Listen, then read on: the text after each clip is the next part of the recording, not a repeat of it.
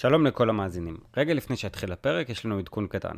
הוספנו לפודקאסט את פינת האקטואליה. זה אומר שמעכשיו בסוף כל פרק, מתנדבי עמותה ייקחו נושא כלכלי שנמצא בכותרות, ויסבירו איך הוא משפיע על החיים שלנו ואיך הוא רלוונטי להתנהלות הכלכלית שלנו.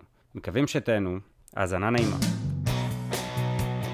כיף שהצטרפתם אלינו, אנחנו הפודקאסט של מתייעלים, ואנחנו כאן כדי לדבר על נושאים של גדולים בגובה העיניים. והיום, בבקשה לא לצרוח באימה, נדל"ן.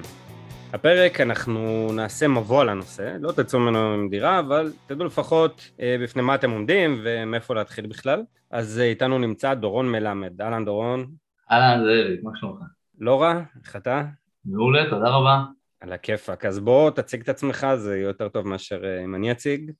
מעולה, אז אני דורון מלמד, אני מתעסק, ב, מתעסק בתחום הנדל"ן, בשוק, בשוק הנדל"ן, כל מה שקשור בעיקר, בעיקר למימון וליווי של פרויקטים, בעברי הייתי בנקאי, בבנק לאומי, בסקטור הנדל"ן, אחר כך הייתי ראש צוות אה, בקרן חוץ בנקאית שהתעסקה בליווי פרויקטים, והיום אני עצמאי בתחום מלווה יזמים, בעיקר יזמים, בהקמה וליווי של פרויקטים נדל"ניים אה, קטנים וענקים, אה, כל הקצוות בעצם.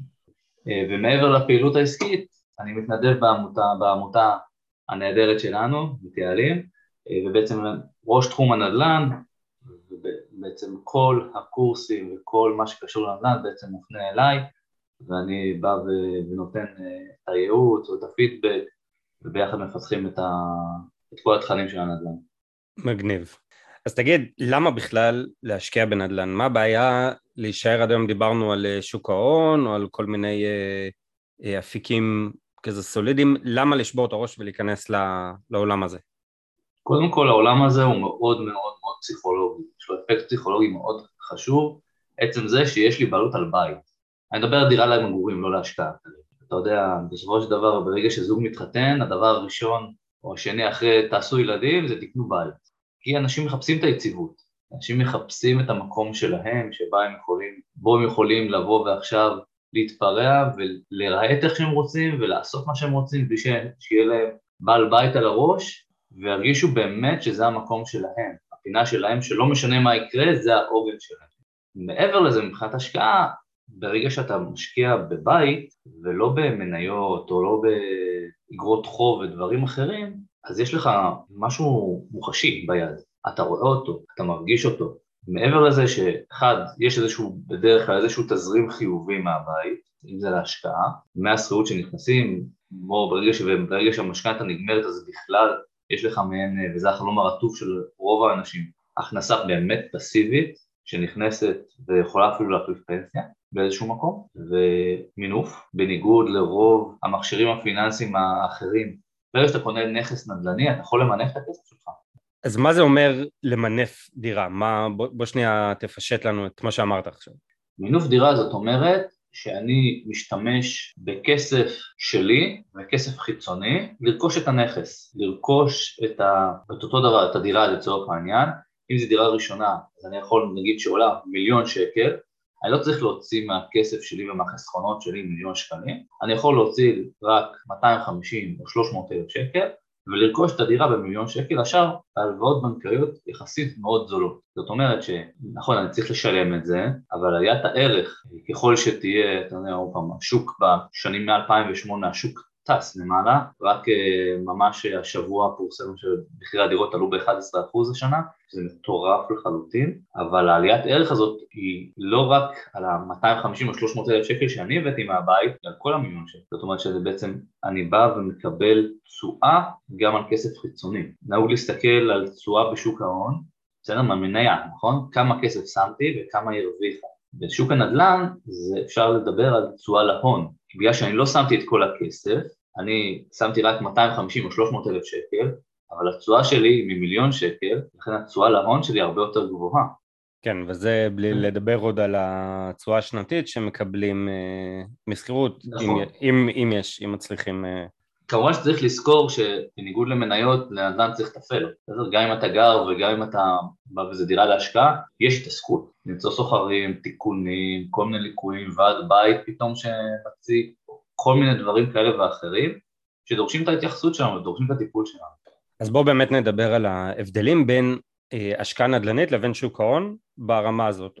אמרת השקעה נדל"נית באמת לוקחת לנו יותר התעסקות, אה, אבל מצד שני אנחנו יכולים למנף את הכסף ולהרוויח יותר. איזה עוד הבדלים יש לנו? האם אה, נדל"ן נחשבת השקעה שהיא יותר יציבה? האם נחשבת יותר סולידית? האם היא דווקא יותר מסוכנת? תראה, זה מאוד תלוי, כי אם עכשיו אתה לוקח דירה במימון של 90 אחוז, 95 אחוז שאפשר לקחת היום, זה מאוד מסוכן. כל תזוזה קטנה, אם זה בהחזר שלך, או אם זה פתאום אין לך סוחר, אם זה דירה להשקעה, פתאום אתה יכול למצוא את עצמך בבור כלכלי מאוד לא נעים.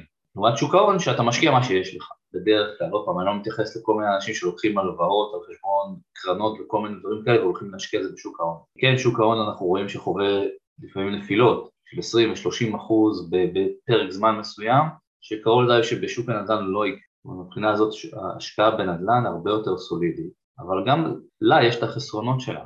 רעידת אדמה, פתאום טיל שנופל מאיפשהו מחיזבאללה או מחמאס או פתאום הלך הבית, אחד השכנים ששכח את גז פתוח ופתאום, אה, וזה קרה, והדירה התפוצצה. עכשיו מה קורה? יש ביטוח, אין ביטוח. זאת אומרת, יש פה כל מיני סיכונים אחרים שאם הם מתממשים, ההפסד הוא יכול פוטנציאלית מאוד מאוד גדול. סיכוי שהם יתממשו מאוד נמוך, אבל עדיין יש פה סיכונים שצריך לדעת ולנסות איכשהו לכמת אותם.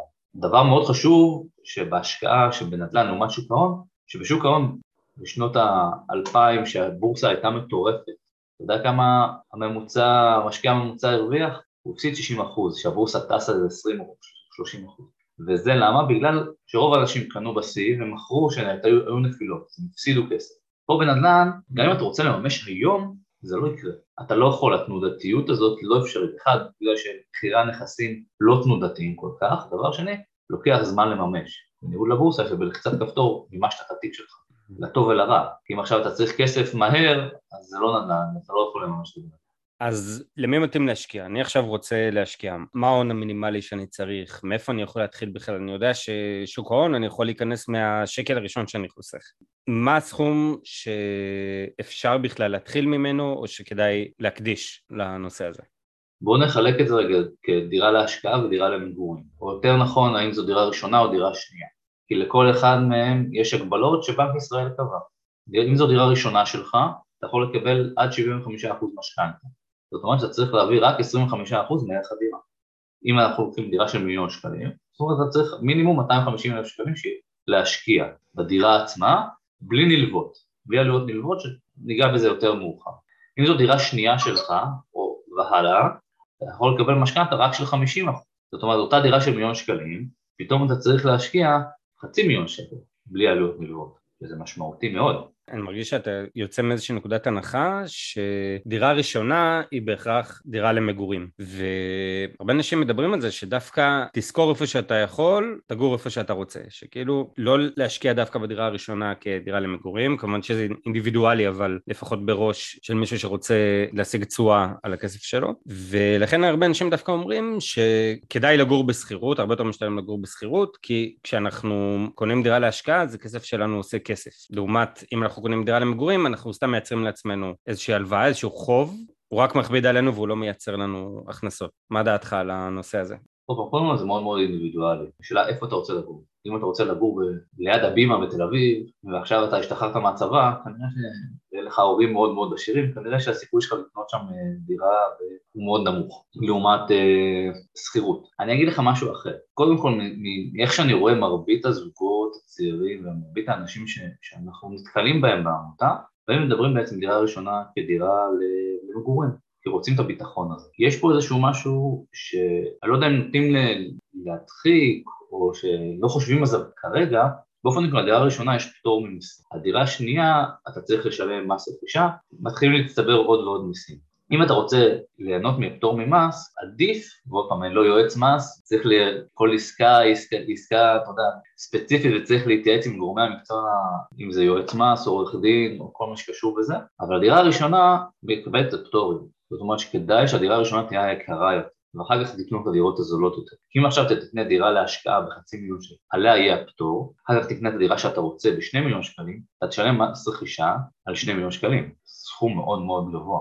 לעומת שהיית עושה את זה הפוך, למשל, נקודה למחשבה. נכון, למרות שצריך להגיד שדירות לא נצברות, זאת אומרת ברגע שאני מוכר דירה, הדירה הבאה שאני אקנה תהיה דירה ראשונה. יש איזשהו פרק זמן, עוד פעם, אני מעדיף להשאיר את זה ליועץ מיסוי, ולא להיכנס, עוד פעם, יש כל מיני דברים, והחוק כל הזמן משתנה, מישהו מתלבט בזה, שיתייעץ, ילך ליועץ מומחה בנושא הזה. אוקיי. איזה סוגי השקעות יש לנו בנדל"ן מעבר לרכישה פיזית של דירה? אם אני רוצה עכשיו להיחשף, אני רוצה לגוון את התיק שלי, להיחשף לנדל"ן, איך אני עוד יכול uh, לעשות את זה חוץ מממש להירשם בטאבו? מלבד רכישה פיזית של דירה, אתה יכול להשקיע במניות של חברות נדל"ן, אם זה נדל"ן מניב, או אם זה נדל"ן כמו אפריקה למשל, או צמח המרמן, חברות יזמיות שבונות דירות ואז המניה נהנית, או הן מוכרות דירות ויש איזשהו upside על שוק הנדל"ן, עלייה בשוק של שוק הנדל"ן, הן מוכרות דירות במחירים גבוהים יותר,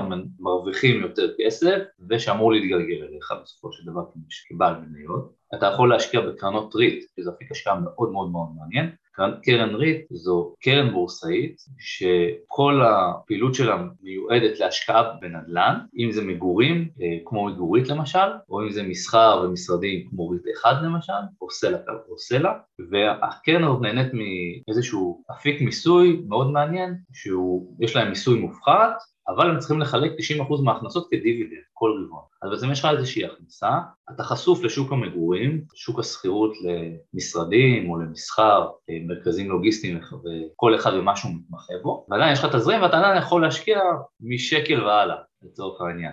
אתה מחזיק מניות, אתה יכול, מאוד נזילות, אבל גם פה יש פה את הסיכון של הבורסה, שאם עכשיו הבורסה חוטפת, כנראה שגם הם יחטפו. כן, אין קורלציה בין שוק הנדל"ן לקרנות הריט, זאת אומרת, הקורלציה יותר חזקה דווקא עם שוק ההון מאשר עם אה, שוק הנדל"ן? יש ויש. יש קורלציה עם שוק הנדל"ן, ברגע שאנחנו רואים שמחירי דירות עולים, ברגע שאנחנו רואים שהנכסים שלהם שווים יותר, אז המאזן שלהם מתנפח, הם משערכות הנכסים, המאזן שלהם מתנפח, מרוויחות יותר כסף, המניה עולה. כן, עכשיו קורה, תהיה מלחמה, הבורסה תצנח, כנראה שגם הם, כאילו, המניה שלהם גם תחתום. מלבד זאת, יש כל מיני קרנות אחרות לא בורסאיות, שמאפשרות לך עם איזשהו הון מינימלי, אם זה 50 אלף שקל, 250 אלף שקל, או כל אחד והאפיק השקעה שלה, להיכנס כמשקיע שותף בפרויקטים, אם זה קרן הגשמה שהייתה, כל מיני קרנות כאלה ואחרות, שבעצם מלוות את הכסף ליזמים, שאשר בונים אה, כל מיני פרויקטים יזמיים, אם זה בישראל או אם זה בחו"ל, ואז אתה נהנה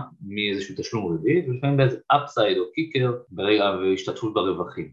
בנושא הזה חשוב מאוד לציין שחשוב מאוד להבין למי אתה נותן את הכסף. צריך לסמוך ולהבין שהמנהלי ההשקעות, מנהלים של הקרן באמת עושים את העבודה שלהם נאמנה, היו שם הרבה מאוד תרמיות בדברים כאלה, תנו כספים לאנשים לא ראויים מצד אחד, מצד שני אנשים, אני יודע שאנשים עשו אחלה עסקאות, מאוד חשוב אבל באמת לשים לב ולהבין למי אתה נותן. כן, זה נראה לי... כי זה סיכון מאוד גבוה.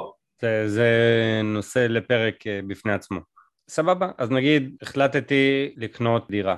בוא ספר לי במאקרו, מה אני צפוי לעבור, מה השלבים מרגע שהחלטתי לקנות דירה עד שהיא בידיים שלי. אז בוא נתחיל קודם כל מהטיפוס הראשון שבוודאות אה, תיפגש איתו זה המתווך. היום אה, כמעט ואין דירות או כמעט אין מצב שאתה קונה דירה ואיך שאתה לא פוגש את המתווכים באמצע, אינה מתווך בדרך כלל יחתים אותך על איזשהו טופס תיווך, שזה בעצם חוזה בינך לבינו, שבא ומגדיר את העמלה שלו. מה הוא צריך, הוא מאוד מאוד ספציפי, איזה דירה ומה אתה, מה השכר טרחה שלו, ולפני שאתה לא תחתום הוא לא יערך את הדירה. כמו ברגע שאתה רואה את הדירות, תרצה להתקדם על איזושהי דירה עם תיווך או בלי תיווך, חלק מהאנשים הולכים לזיכרון, משהו שנקרא זיכרון דברים, רוצים לשריין את הדירה. זיכרון דברים זה בעצם, בדרך כלל אפשר לראות אותו כחוזה מחייב, כי בנדל"ן אתה צריך כמה תנאים כדי שזה ייחשב חוזה מחייב, בדרך כלל זיכרון דברים מכיל את הפרטים של הספציפיים של הדירה, מכיל את התמורה, כמה אתה מוכר, קונה אותה, תנאי תשלום אה, ואנשים, ובדרך כלל זה מספיק ל...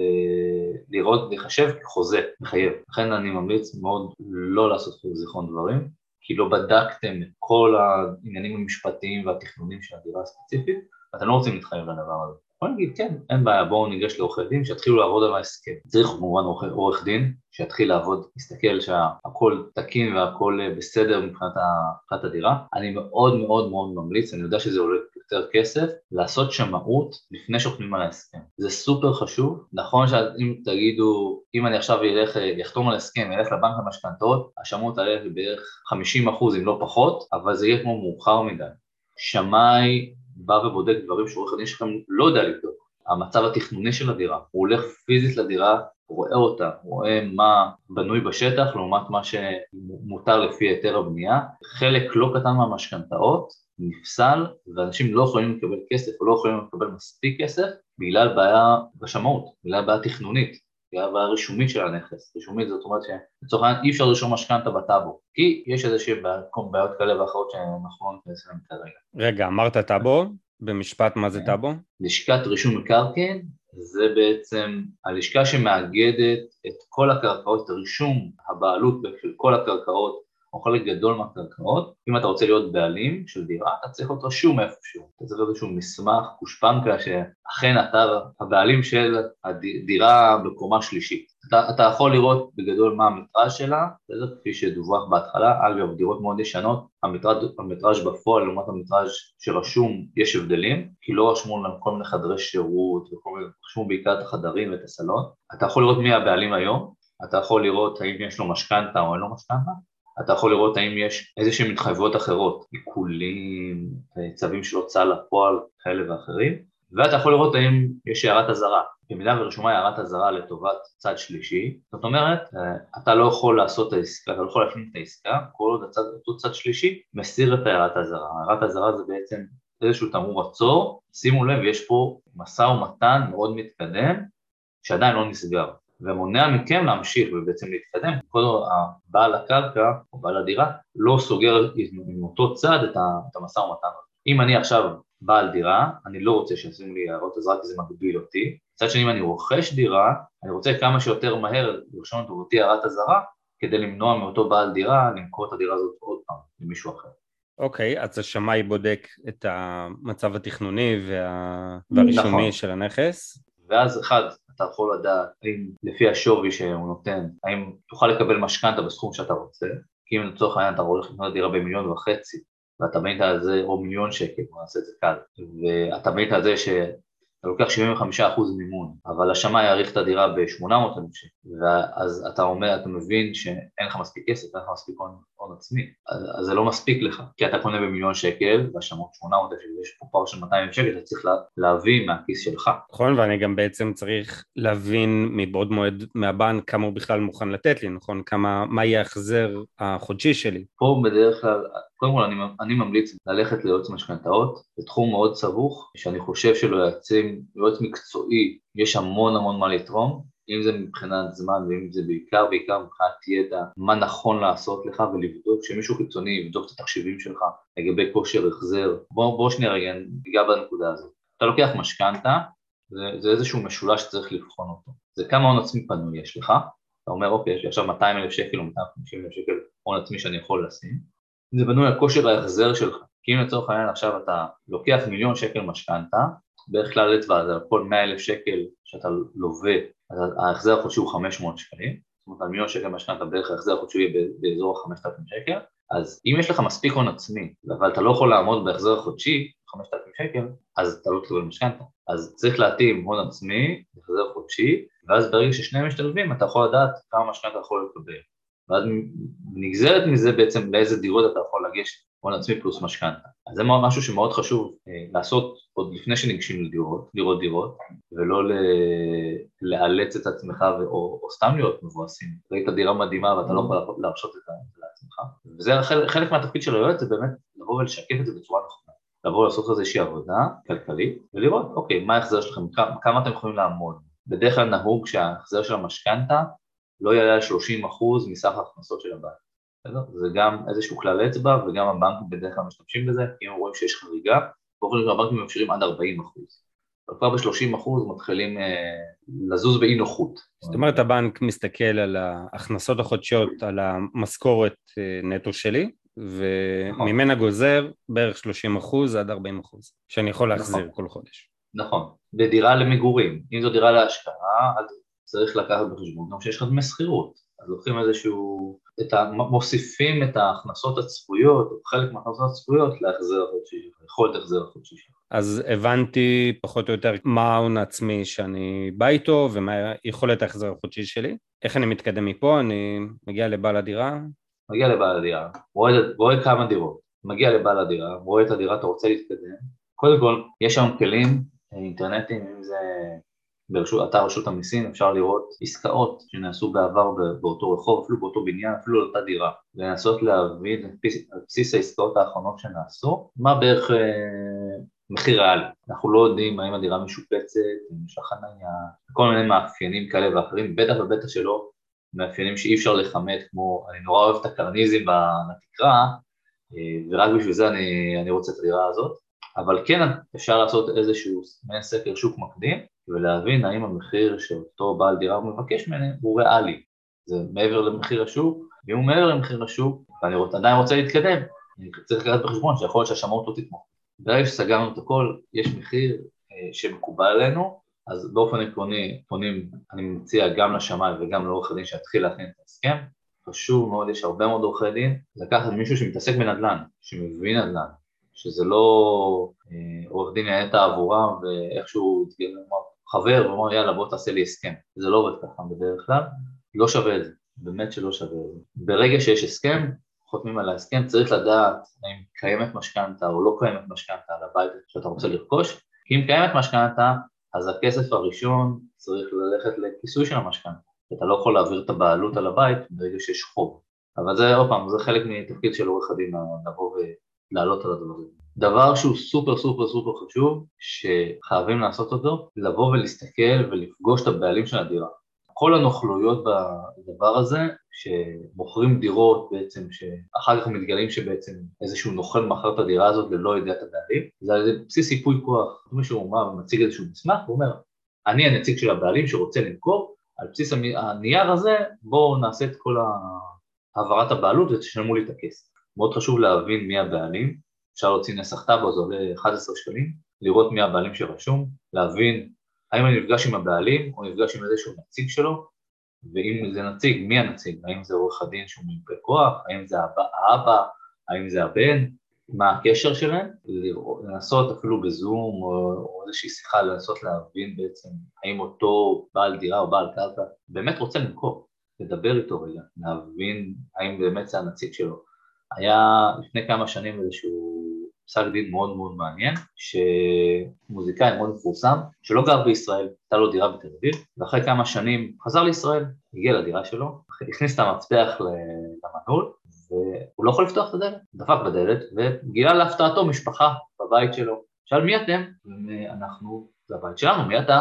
זה הבית שלי. מסתבר שאיזה עורך דין, באמצעות טיפול כוח, מכר את הדירה הזאת לאותו, לאותה משפחה תמימה, שהייתה בטוחה שהיא עושה את עסקה מדהימה, כי זה היה במקום מאוד מאוד טוב. ועכשיו בעיה, יש פה בעל דירה שלא מכר את הדירה שלו, מצד אחד, מצד שני יש פה משפחה שקנתה את הדירה בתום לב, אז מה עושים? אז זה, זה משהו מאוד מוזר, כי מצד אחד הם אמרו, אוקיי, אותה, אותה משפחה שרכשה את הדירה, בעצם ההסכם מבוטל, תחזיר את הדירה לבעלים המקורי, אבל אותה בתור בעלים מקורי צריך לפצות אותה, והיה צריך לשלם להם לא מעט כסף, כי הם קנו אותה כאילו בתום לב.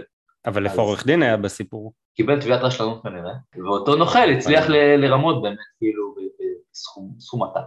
זה, זה, זה מקרה עוד פעם מאוד חריג מצד אחד, זה שאנחנו שומעים כל מיני דברים, בעיקר בעיקר בזקנים ואנשים עריריים, שמנסים לעשות כל מיני רמויות כאלה ואחרות, בגלל שבנסח טאבו אתה לא רואה את ההיסטוריה, אתה לא רואה משנת ההקמה מי היה הבעלים, אתה רואה מי הבעלים היום. אז uh, ברגע שאתה מגלגל את הדירה כמה ידיים, זה פתאום נמצא, אתה לא רואה. זה משהו מאוד חשוב לשים לב. אבל בואו נגיד עברנו את זה, חתמנו על הסכם, פרענו את המשכנתה, נתנו את הכסף לאותו בן אדם, צריך לראות לקבל שאין חובות לוועד הבית, ואין חובות לעירייה, ואין חובות uh, לכל חברת חשמל או לחברת תאגיד המים וכולי וכולי וכולי, להעביר את הכל על שמנו. אגב, אם אנחנו, זו דירה להשקעה ויש לנו דייר, להעביר את הכל על שמו, שאם הוא יוצר חוב, שהחוב יהיה על שמו ולא על השם שלנו.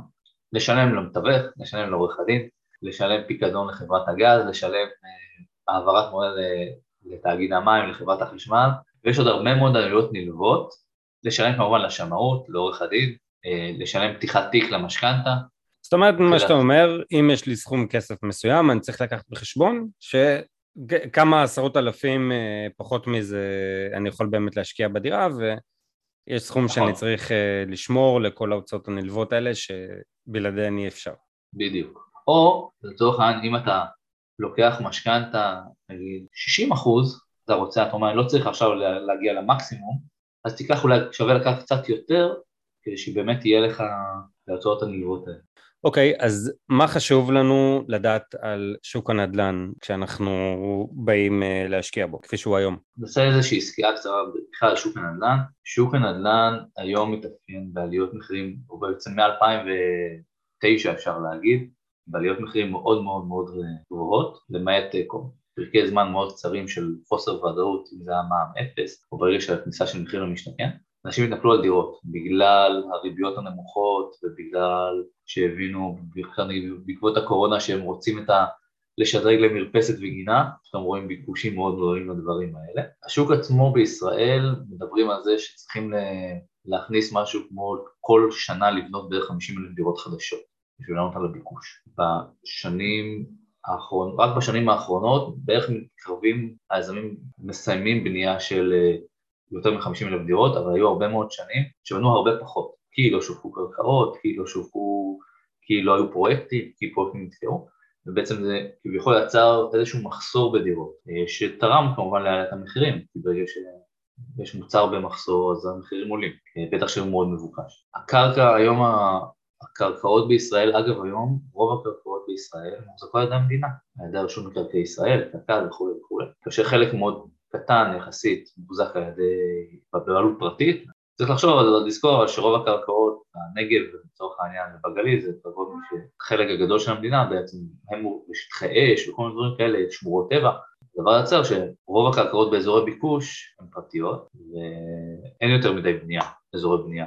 תסתכל, כאילו אין הרבה קרקעות פתוחות שאפשר לבנות עליהן, וזה יוצר גם איזושהי בעיה טכנונית. מנסים לפתור את זה, זה התחדשות עירונית, פינוי ובינוי, כל מיני תמות כאלה ואחרות, עדיין אבל אנחנו רואים הגורמים בשוק שיש ביקושים מאוד מאוד גבוהים ולא נראה שתהיה ירידת מחירים בזמן הקרוב או בשנים הקרובות לצורך העניין. אני רוצה להזכיר שבשנות ה-90 היו ירידות מחירים, שוק הנדל"ן לא תמיד עולה, אומרים נדל"ן תמיד עולה, בשנות ה-90 היו ירידות מחירים, אנשים קנו דירה ואחרי שנתיים מכרו אותה במחיר נמוך יותר ממה שהם קנו, כי זה היה השוק הזה, גם הפריים היה 13 אחוז, זה היה שנות ה-90. להזכיר לאנשים שאומרים מה הריבית אפסית. אז לא, היית בא לבנק והיית מקבל פיקדון, חמישה אחוז על פיקדון, פיקדון בנקאי. זוי קצת היום לחשוב על זה, אה, אבל אין ספק, הריבית תורמת מאוד, הריבית הנמוכה, ובעצם ההחזר, בעקבות הריבית הנמוכה, ההחזר הנמוך מאוד תורם לעליות, מאפשר לאנשים לקנות אה, דירות במחירים אה, יחסית נוחים, כי ההחזר החודשי שלהם נמוך. כן, ברגע שיתחילו ומדברים על עליית ריבית, זה אמור להשפיע על שוק הנדל"ן, כי אנשים לא יוכלו לעמוד בהחזר החודשי, יוכלו לקחת פחות כסף, ואז תהיה להם דעה לרכוש דירות. אנחנו נעצור כאן להיום, כי רצינו ככה לעשות איזשהו פרק שהוא באמת יותר אה, מבוא, יותר באמת אה, מין אה, מפת דרכים כזאת של האפשרויות, ובהמשך אנחנו כמובן נרחיב יותר. העמותה שלנו מתייעלים עושה קורסים שמתעסקים בנדל"ן, יש גם קורסים פרונטליים וגם קורס דיגיטלי שמתהווה, לעוד פרטים אתם מוזמנים לפנות אלינו, אני גם מזמין אתכם כמובן אה, להצטרף לקבוצה שלנו בפייסבוק, מתייעלים צומחים כלכלית, ולדרג אותנו בכל האפליקציות כדי שנגיע ליותר אנשים. אם בכלל יש לכם חבר שחושב על נדל"ן, או בכלל אנשים שאתם מכירים שלא יודעים מאיפה להתחיל, אתם מוזמנים להפיץ להם את הפרק. דורון, אני שכחתי לשאול אותך שאלה חשובה שאנחנו שואלים פה את כולם בסוף, ה... בסוף הפרקים, וזה מה החטא הכלכלי שלך, משהו בהתנהלות הכלכלית שלך שאתה יודע שאתה עושה לו בסדר ועדיין uh, חוטא בו. האמת, זה משהו שעשיתי הרבה מאוד שנים, רישום הוצאות. זה הדבר הכי קשה לי, אומרת, המעקב והרישום של ההוצאות, אני יודע מה, מה עושה ואני עושה את זה, אבל לדעתי לא מספיק. לא, לא באמת כמו שהייתי רוצה לעשות, וזה מעצבן אותי כל פעם מחדש. מבין אותך, זה באמת אה, אחד הדברים הכי קשים, במיוחד שכולם מדברים על זה, שזה כזה בסיסי, שזה הדבר שממנו מתחילים, אבל הוא דורש הכי הרבה התעסקות, אבל בסדר. לגמרי. טוב, דורון, תודה רבה, היה תענוג. תודה רבה לך, היה כיף. אה, אני הייתי זאב גזפט, איתי במערכת נמצאת עופרי עיני. עד כאן להיום, יאללה ביי. טוב, אז אה, בפינת האקטואליה שלנו היום, הייתי רוצה לדבר על נושא שהוא האמת לא משהו מבאס, אבל הוא קורה, חדשות לבקרים, הוא קורה הן אה, ברמה של אה, בטלפון, הן ברמה של מיילים, הן ברמה של אחד על אחד, פיזי, פרונטלי, whatever, וזה כמובן נושא העקיצות. אני יכולה לדבר רק על הנושא הזה, לצערי, המון המון זמן, אבל היום רציתי להתמקד בעקיצות של נדל"ן בארצות הברית, ואפרופו אקטואליה, אז באמת הייתה בחדשות 11, בכאן 11, ממש לפני מספר ימים, כתבה על עוד חברת נדל"ן, שהרבה אנשים לא יודעים לכאורה נעקצו או שהיה שם חוסר תום לב וכולי. אז uh, חשבתי על כמה דברים uh, להגיד לכם ששווה לבדוק לפני על מנת להיזהר. אז קודם כל כשאתם באים לבחון איזושהי חברה, אז קודם כל תעשו סוג של בדיקת נאותות. לבדוק מי החברה, מה היא, מה העבר שלה, האם יש עליה איזה שהם פסקי דין, כן או לא. מעבר לזה, אני תמיד מדברת עם ממליצים, עכשיו אה, כשאנחנו ניגשים לממליצים, אז בדרך כלל החברה תיתן לנו ממליצים מעצמה, אז דווקא לא, דווקא לא הייתי הולכת על הממליצים של החברה, הייתי הולכת על ממליצים מה שנקרא אובייקטיביים, אה, בהנחה והחברה מוכרת, ואנחנו רוצים ללכת לחברה שהיא מוכרת, אז כן אנחנו נוכל למצוא כל מיני אזכורים ברשת, או אפילו פייסבוק או רשתות חברתיות, על מנת אה, לאתר את הדף של החברה, ודרך כך להגיע לאנשים שהשקיעו, ואגב, אם לא הצלחנו לאתר, לא הדף של החברה ולא אנשים שימליצו עליה, זה כבר של עצמה, אה, זאת אומרת, זו נורת אזהרה כשלעצמה. מעבר לזה, אה, לבדוק האם יש נאמן בעסקה.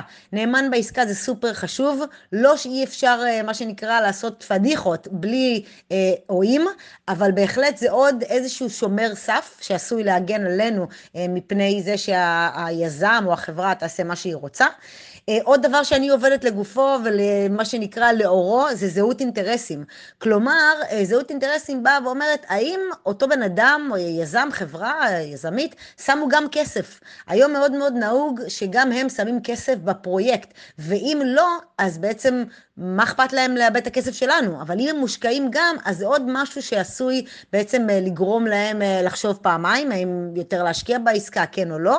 ונקודה אחרונה לעכשיו, אני יכולה להמשיך הרבה זמן, ואגב, אם אתם רוצים, יש באמת, אה, אה, גם אתם יכולים לפנות אלינו ואנחנו ניתן לכם עוד כמה טיפים, וגם יש אונליין, אבל...